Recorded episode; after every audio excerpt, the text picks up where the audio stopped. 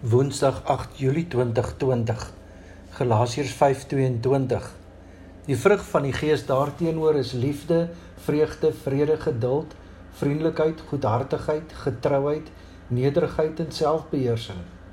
Die vrug van die Gees is die gevolg van ons verhouding met God. Dit is die gevolg van ons gehoorsaamheid aan God. Die vrug van die Gees is nie wat ons doen nie, maar hoe ons is. Die vrug van die Gees word dus my lewensingesteldheid en vanoggend gesels ons oor getrouheid. Die teenoorgestelde van getrouheid is ontrouheid. En dadelik dink mense aan die huwelik. Mense trou en beloof om aan mekaar trou te bly of aan mekaar getrou te bly. Kom jy jou belofte na? Hoe kan jy in enigiets anders getrou wees as jy nie eers aan jou man of jou vrou getrou kan wees nie? Getrouheid is iets wat jy moet wees. Dit is 'n keuse wat jy elke dag, eintlik elke oomblik maak. Dit maak nie saak of dit in jou huwelik goed of sleg gaan nie. Jy het voor God beloof om getrou te bly. In die huweliksformulier staan daar: Moenie toelaat dat daar ooit iets of iemand tussen julle kom nie. Bly getrou aan mekaar.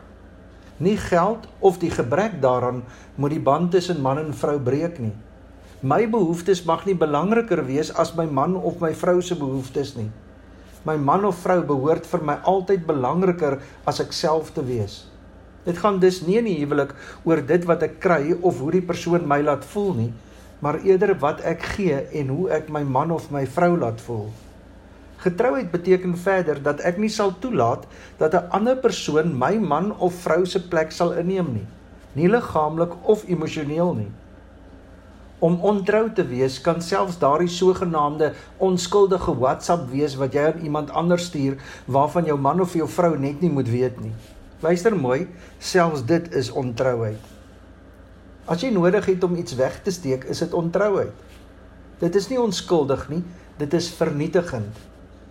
As jy jou hart eerder met iemand anders as jou man of jou vrou deel, is dit ontrou. Dit is so hartseer om getroude mense teenoor mekaar te sien staan in plaas van langs mekaar. Hulle breek mekaar in plaas daarvan mekaar veilig te hou en te beskerm. As jy iets sê, hoor ek nie altyd wat jy sê nie, want ek het reeds besluit wat ek wil hoor nog voordat jy gepraat het. As jy iets doen, kyk ek eers of daar nie dalk bybedoelings is nie. Is jou man of jou vrou se geluk en vreugde nog steeds jou eerste prioriteit? Jy is ook ontrou as jy jou man of jou vrou met ander persone bespreek, behalwe natuurlik as dit met 'n professionele persoon in terapie is. Die hartseer is dat 'n mens nie noodwendig die huwelik kan gebruik as 'n voorbeeld om getrouheid te beskryf nie. Die beste manier om getrouheid te beskryf is sekerlik eerder die verhouding wat 'n hond met sy baas het.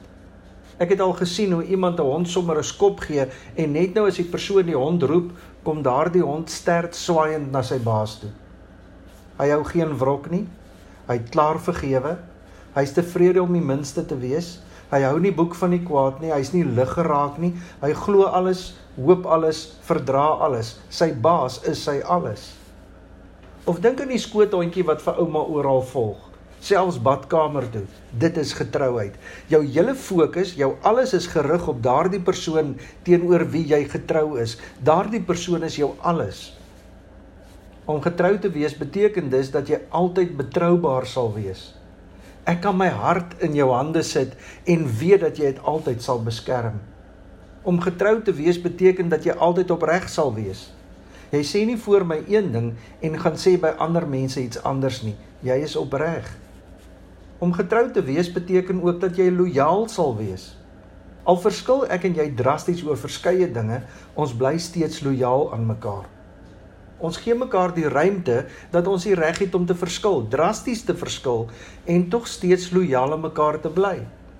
Ons laat vaar vooroordeele wat ons oor mekaar het. Ons veroordeel mekaar nie.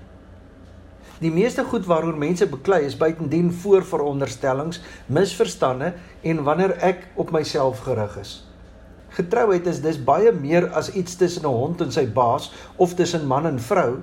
Dit is ook iets tussen ons as Christene. Ons het 'n verpligting om getrou te wees, opreg te wees, betroubaar te wees en lojaal te wees teenoor mekaar. En waar ons van mekaar verskil, bly ons steeds getrou aan mekaar. Getrouheid beteken ook dat ons altyd God se wil eerste sal plaas in ons lewens, nie ons eie gemak, ons eie wil en ons eie prioriteite nie. Getrouheid aan God is dat jy jouself elke dag aan God sal oorgee met jou hele hart, siel, krag en verstand. En dat jy getrou sal wees teenoor almal rondom jou soos wat jy dit ook van hulle verwag. Dit moet 'n karaktertrek van jou persoon wees, wees getrou. Kom ons bid saam. Vader, ek erken dat dit so moeilik is om getrou te bly teenoor mense wat jou teleurstel. Dit is moeilik om getrou te bly as hulle nie getrou, opreg, betroubaar en lojaal teenoor my is nie. Maar ek besef dat getrouheid nie iets is wat ander teenoor my moet wees nie, maar wat ek teenoor ander moet wees. Dit begin by my. Vader, vergewe ons waar ons gereeld ontrou teenoor U optree. So asof u nie weet wat u doen nie. So asof ons eerder die stuur moet oorneem. So asof ons kan beter doen. Vul ons met die Heilige Gees sodat ons ook die vrug van getrouheid teenoor u en teenoor die mense rondom ons kan uitleef. Vergewe ons ons vooroordeele en selfsugtigheid help ons om in hierdie tyd nog meer getrou te wees. Here skenk aan ons u genade. Lig waar ons net donker sien. Moed waar ons vrees. Hoop waar ons wanhoop, vrede waar ons gemoedere storm, vreugde waar ons hartseer is, krag waar ons swak is, wysheid waar ons verward is, sagtheid waar ons bitter is, liefde waar ons haat. Die Here sal julle seën en julle beskerm. Die Here sal tot julle redding verskyn en julle genadig wees. Die Here sal julle gebede verhoor en aan julle vrede gee.